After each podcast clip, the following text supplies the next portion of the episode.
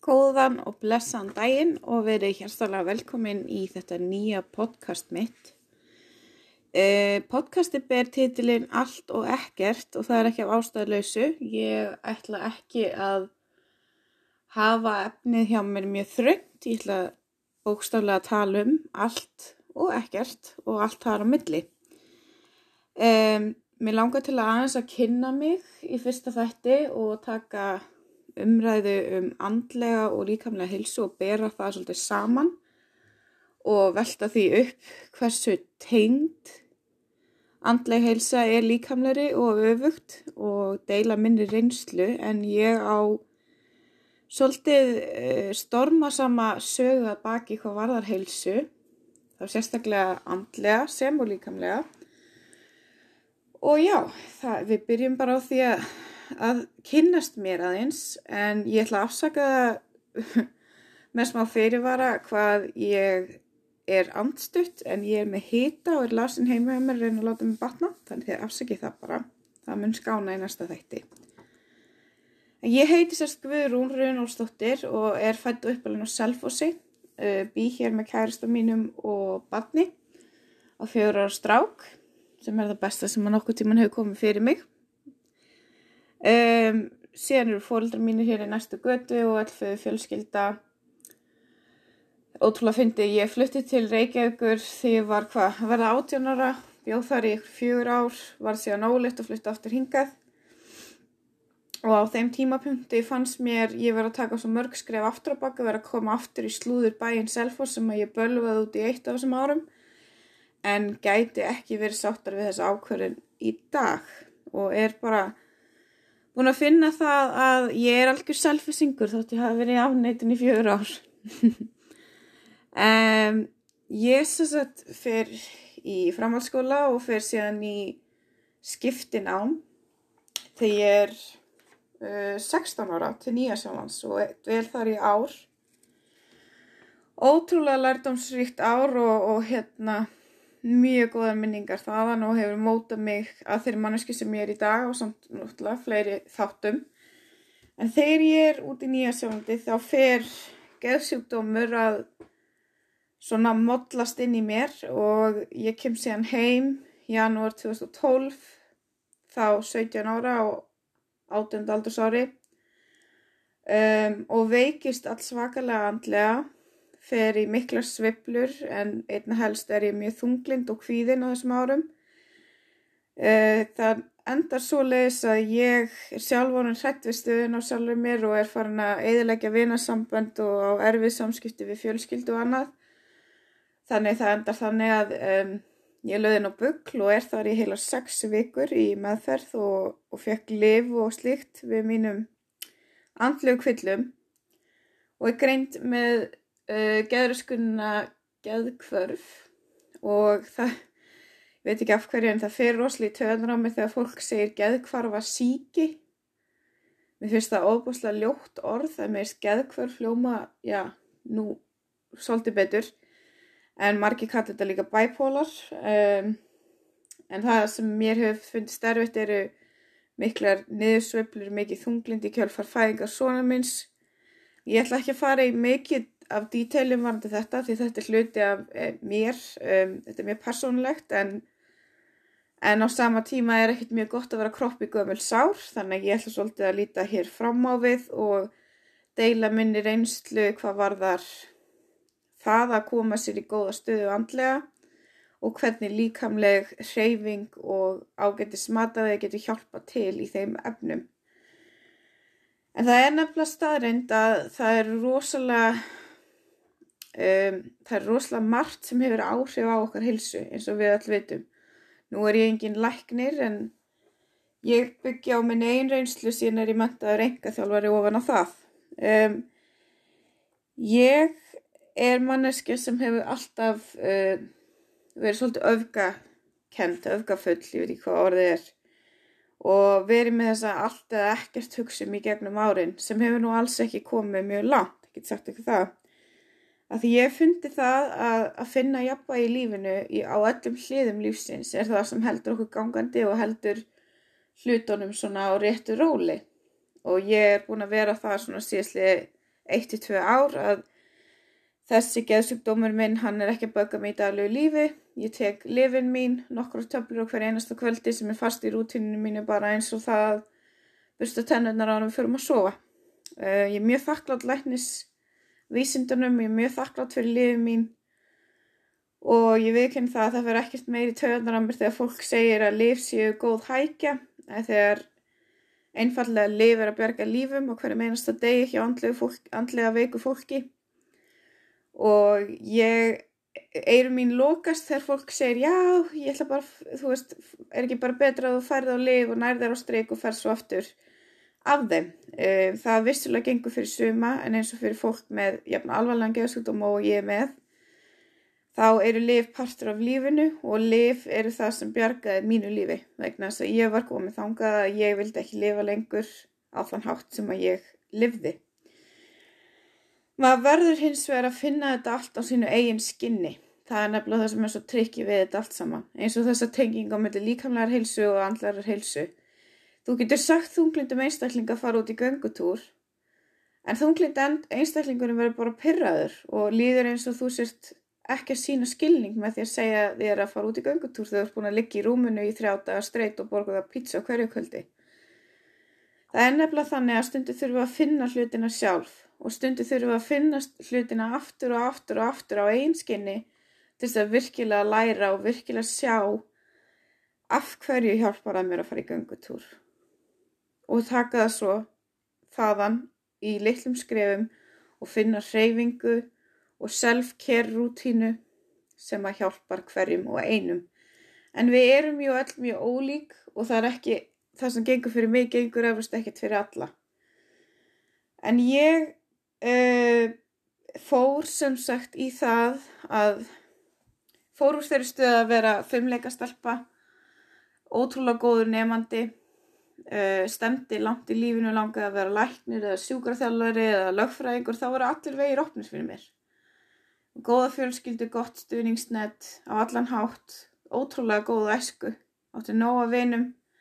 En síðan kom lífið og það, það, mér var kift alls nögglega niður á jörðina og ég hef búin að vera að klifra upp síðastliðin 8-10 ár. Um, það er alveg makana hvað maður heldur í mómentinu að allt sé ómögulegt og lífið verður aldrei auðveldar og þetta verður alltaf svo nærvitt En þetta snýst innilega um það að gefast ekki upp og þær neikvæða hugsanir sem ég fæ enn þann dag í dag, ég leiði þeim bara að koma og fara. Af því hugsanir eru bara það, þær eru hugsanir, þær eru ekki staðrindir en ég veit mæta vel að þegar maður er í þessum spórum þá trúir maður þessum hugsunum í raun, uh, þær vega miklu meira heldur en þær jákvæða hugsanir. Og það þegar fólk segir, hætti þessar neikvæðni, hugsa bara jákvætt. Ég get sko sagt ykkur það að þetta tryggaði mig mikið á sínum tíma og mér fannst mjög erfitt þegar fólk syngdi mér og mínum veikindum ekki skilning. En í dag þá skil ég af hverju fólk sínir ekki skilning. Af því þau eru ekki að upplifa það sem ég er að upplifa. Þau kannski hafi ekki fundið fyrir þunglindi, kvíða, uppsveiflu, neinu í gegnum sitt líf. Þannig að hver er ég að segja við þig, þú skilur þetta ekki. Auðvitað skilur hún það ekki. En Mínir nánustu skilja þetta ekkert allt, en þau sína með skilning og ást og það er það sem skiptir öllu máli. En líka minn okkar, hann er auðvitað ein heilt. Mannslíka minn er rosalega flóki fyrirbreyði eins og við vitum öll, en við erum svona sem að vera ein heilt.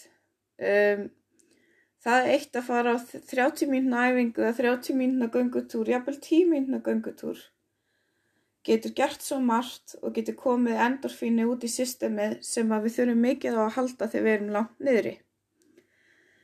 En enn og aftur, það er ekki nóg að segja einhverjum sem er þunglindur eða kvíðin að fara í rættina.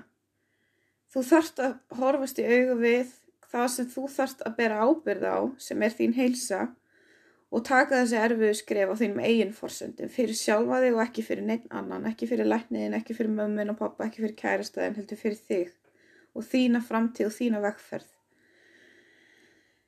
En það er vel hægt að finna sér hreyfingu við hæfi. Það er svo margt sem þú getur gert. Sumir elskar hlaupa, mér persónulega finnst rosalega gaman að vera sterk og lifta.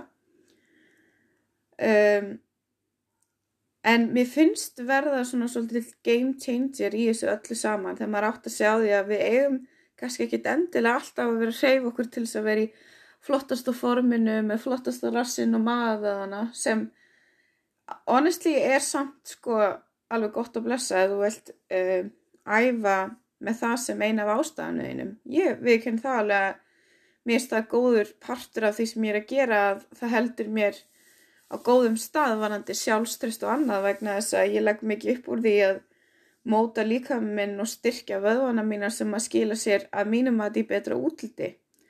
Það er ekkert sjálf við það og við skulum ekki vera að dæma fólk sem að hugsa svona og vill bæta útlit sitt sem og þá sem vilja bara æfa til þess að líða vel eða til þess að einmitt styrkja sig á einhvern hátt. En eins og ég segi, ég hef gaman á liftingum, ég fór í enga þálarinn á fyrra árinu, komið með diplóma í því. Um, en það er einhvern veginn þannig að þegar maður upplifa svona erfiða tíma sem maður næra komast síðan ágætlega yfir, þá langar manni allavega mér persónlega að deila sinni reynslu og deila sinni vekkferð og þess vegna ger ég þetta podcast. Ég er ekki setja sjálf að mig í neitt hásæti, ég er bara venjuleg ung íslensk kona sem býr á Selfossi um, en ég tel samt mína reynslu geta gagnast einhverjum að núti og mér finnst að ég geti meðla mínum boðskap á þennan hátt. Uh, nú er ég bara að babla út í loftið og ég ætla að gera það í þessu podcasti. Ég kannski set neður stikkorð sem ég vil tala um en ég vil halda þessu mjög casual og vil alls ekki vera að lesa upp af einhverju handriti hér því það fyrst mér ekki við hæfi þegar við tölum um svona persónlega mál um, en já, svo ég kom aftur á hreyfingunni það er svo margt þarna úti að ég trúi því að hver einu og einasta manneska sem er í þeirri stöðu að það væri mjög gott fyrir hana að fara í rættina eða reyfa sig á einn að annan hátt geti fundið það sem er við hæfi fyrir, fyrir þann einstakling. Það er svo rosalega margt og maður það bara að prófa. Prófaði spinning, prófaði tabata, prófaði crossfit, prófaði lappa, prófaði hlaupa.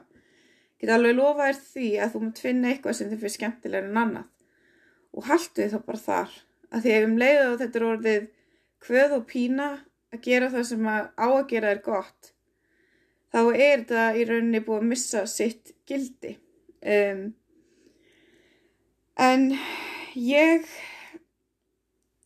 horfi svo litið líka á viðhorf við mitt. Ég hef mikið farið í sjálfskoðun og sjálfsvinnu og hort í gegnum tíðina á af hverju leið mér svona þarna, hvað var ég að gera þarna sem leið mér líða þetta og af hverju horfi ég svona á þetta núna, af hverju horfi ég á þetta svona núna en horfa á þetta allt annan hátt fyrir fimm árum. En ég sem segi, ég veri hjá sálfræðing, ég tek liv, ég hugsa vel um mig og allt þetta. En maður verður svolítið sko, þegar það eru erfið dagar eða erfið augnablík, erfiðar hugsanir, að eins og ég nefndi áðan, um, leifa hugsanum að koma og taka mótið um að segja já, ok, þetta er neikvæð hugsun, þið líður svona, ok, það er allt í lagi. Þetta er ekki staðrinn, þetta er hugsun sem kemur og svo fer hún og þá höldum við áfram með daginn og við tökum ákverðin um að dagurinn sé góður. Við ætlum ekki að láta þessar hugsanir ná tökum á okkur. Það er hægara sagt en gert þegar fólk er mjög látt neyri en stundum er lífi bara ótrúlega erfitt og stundum koma áföll á erfiðust tímum, kannski jafnvel mörg áföll í rauð og manni líður eins og mótlæti sér svo mikið að maður get ekki haldið áfram. Ég hef verið þar og ég hef fundið það með þess að upp á síkastið. Fer ég undir feld og, og, og í dvala? Nei, það ger ég ekki. Vegna þess að ég veit að allt líður hjá. Það er eina sem við veitum. Tíminn líður hjá. Tíminn, sko, ég vil ekki að segja tíminn lægi öll sár. En flest allt sem er okkur erfitt í lífinu skánar með tíma. Það getur tekið langan tíma en það gerir það samt. Svo lengi sem maður leggur sér allan fram við að ná bata frá því sem maður eru að díla við. En ég vil líka koma því hingað inn að ég uh, bætti á mig hátti 40 kílóum þegar ég var sem feitust um, um, á áranum áður en ég átti són minn þá bjóð ég í Reykjavík og var óbúslega þunglind og í mikill sorg yfir því áfallega að vera grind með hann erfiða sjúkdóm sem er jú lífshættulegur og margir fram ég sjálfsvík sem eru með þennan tiltekna sjúkdóm. Um, ég, sem sagt, líf mitt á þessum árum var í raun mjög skrítið vegna þess að ég var á mjög sterkum skamtum af, mil, af hérna, livjum, millum. Og uh, sem að var að hluta til uh, eflaust bara alveg rétt á læknunum að því að ég var í miklum sveiplum og leið alveg óstjórnlega illa. En það sem þessi liv gerðu voru þau deyfðu mig deyfðu mig alla, ekki bara neikvæða hugsunar, heldur líka brosi mitt og hláturinn minn. Ég gæti ekki brosað. Það er svolítið skrítið að hugsa aftur til þess. Ef það tekið mynd og ég ætlaði að brosa þá var brosið alltaf svo feik að ég gæti ekki posta myndin á Instagram. Skiljið, þú veist maður getur ekki forsað sig til að láta eins og allt sé í lagi ef maður ætlar að vera hreinskiljið við sjálfa sig. Að sjálfsögðu er, getur verið jákvæmt að setja upp grími í ákveðnum aðstæðum og bara svona push through eins og þeir segja og stundum er það okkur nöðsynlegt og það er eiginlega svona svolítið survival mode að ljúa sjálfur sér. En þess, þessi ári Reykjavík samanstóða því að ég vaknaði kannski rétt fyrir hátegi, lappa út í búð og kefti mér tvekkilítar gós og snakk og nammi og pítsu, fór og borðaði, fór svo aftur upp í rúm. Uh, þetta gerðist nánast dælega í cirka tvö ár. Ég, ég er minn helsti óvinnur, eða var það, núna erum við góða vinkonur og dæmdi sjálf að mig mikið fyrir það að ná ekki að klára stúdendin, ná ekki að fara í háskólanám, þurfa að hætti í MH sem var draumaskóli minn sem ég komst óvænt inn í eftir ég kom heim og ætlaði að vera í skóli í Reykjavík og búa með sýstu minni. Hljómar allt rosa vel, en ég var ekki tilbúin og ég hafði engar fórsendur til þess að vera í náminn ég vinnu. Það er fyrst núna sem ég er almennilega komið á stað í á vinnumarkaði. Ég er öryrki og skammaðist mín heil lengi rosalega mikið fyrir að segja þessa setningu ég er öryrki. En ég vissi alveg að ég var ekki farið að vera öryrki allt mitt líf að því ég ætla mér að gera það sem ég ræð við. En máli er þótt að ég komst ekki háskólanám þá er ég samt ég. Ég er, ég er sama guðrún og það breytir ekki mínu gildi sem mannesku eða þá virðingu sem ég á að fá fá fólkin í kringum mér eða svo virðing sem ég sínu sjálfur mér. Þetta tengist allt saman og við erum öll að gera okkar besta að minnst að hvort þið vilja trúa því. Og ef það er, finnst þú ekki verið að gera það, það sem þú getur til þess að koma þér á betur stað andlega eða líkamlega bæði, þá myndu vakna upp einn daginn, þá myndu einhver segja við þig eitthvað sem tryggjar einhvers konar tilfinningar þar sem þú hugsaður ok, ég ætla að hætta að lifa í líi, ég ætla að díla við þetta, ég ætla að skilja tilfinningarna mínar og ég ætla að byggja mig upp. Ég einfallega trúi því að við þykjum hjálparhöndi á erfiðum tímum, þá getum við allt sem við ætlum okkur ef við erum allt hjartað í því verkefni. Það stakk mér mjög mikið nú um daginn, uh, bara í þessari viku þar sem var frétt á vísi.is um hversu mörg sjálfsvík hafa átt sér stað á Íslandi eftir að COVID byrjaði. Tölurnar eru svo sannarlega sláandi og það er rosalega erfitt að hugsa til þess að þessi fólk að þjástatna úti sem að þú eru ekki að leita sér hjálpar vegna þess að heilbríðskerfið er upptekið af COVID. COVID um, hefur hins vegar gert góða hluti fyrir marga líka þegar við hefum haft meiri tíma heima með börnunum okkar og kannski geta unnið hans meira heima við og annað slikt og ég held að á svona tímum er hvað mikilvægast að hugsa vel um sig og sína og hlúa að því sem er mikilvægt í lífinu. Vinnan er mikilvæg en fjölskyldan og heilsokkar er rosalega mikilvæg líka. En tölurnar voru sláandi að því leitunni til að nú voru þetta fyrstu sjö mánuður ársins Þá voru heldur 39 eða 40 einstaklingar búin að taka sitt eigi líf á 7 mánuðum og árið áður, 2019 held ég, já, þá vor, var talan, rauninni komin í töluna sem var yfir heilt ári fyrra.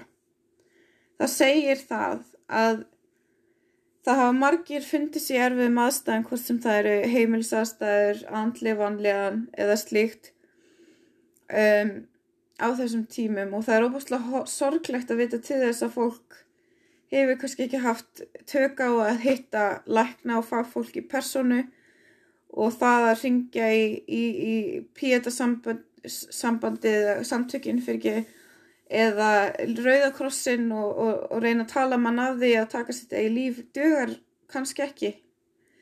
Það dögar kannski ekki.